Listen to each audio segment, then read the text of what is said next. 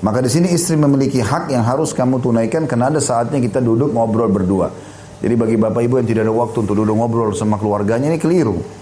Ya, harus duduk ngobrol, ya, duduk ngobrol, duduk bicara.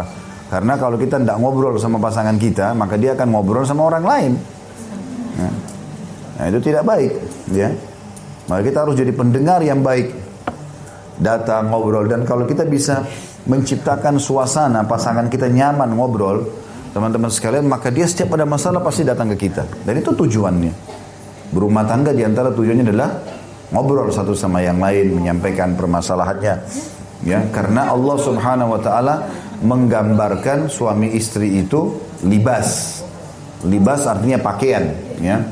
Dalam ayat Al-Qur'an yang Allah ceritakan masalah uh, bolehnya berhubungan biologis di malam hari Ramadan Allah SWT mengatakan hunna libasul lakum wa antum libasul lahun. Kalian wahai para suami pakaian buat istri-istri kalian dan juga istri kalian pakaian buat kalian. Mana pakaian? Artinya tidak ada pakaian kan selalu fungsinya untuk menutupi badan kita dari dingin, dari aib, ya. Terus penilaian orang jadi bagus kalau kita pakai baju bagus itu fungsi pakaian. Allah gunakan bahasa ini saking pekanya pasangan hidup itu.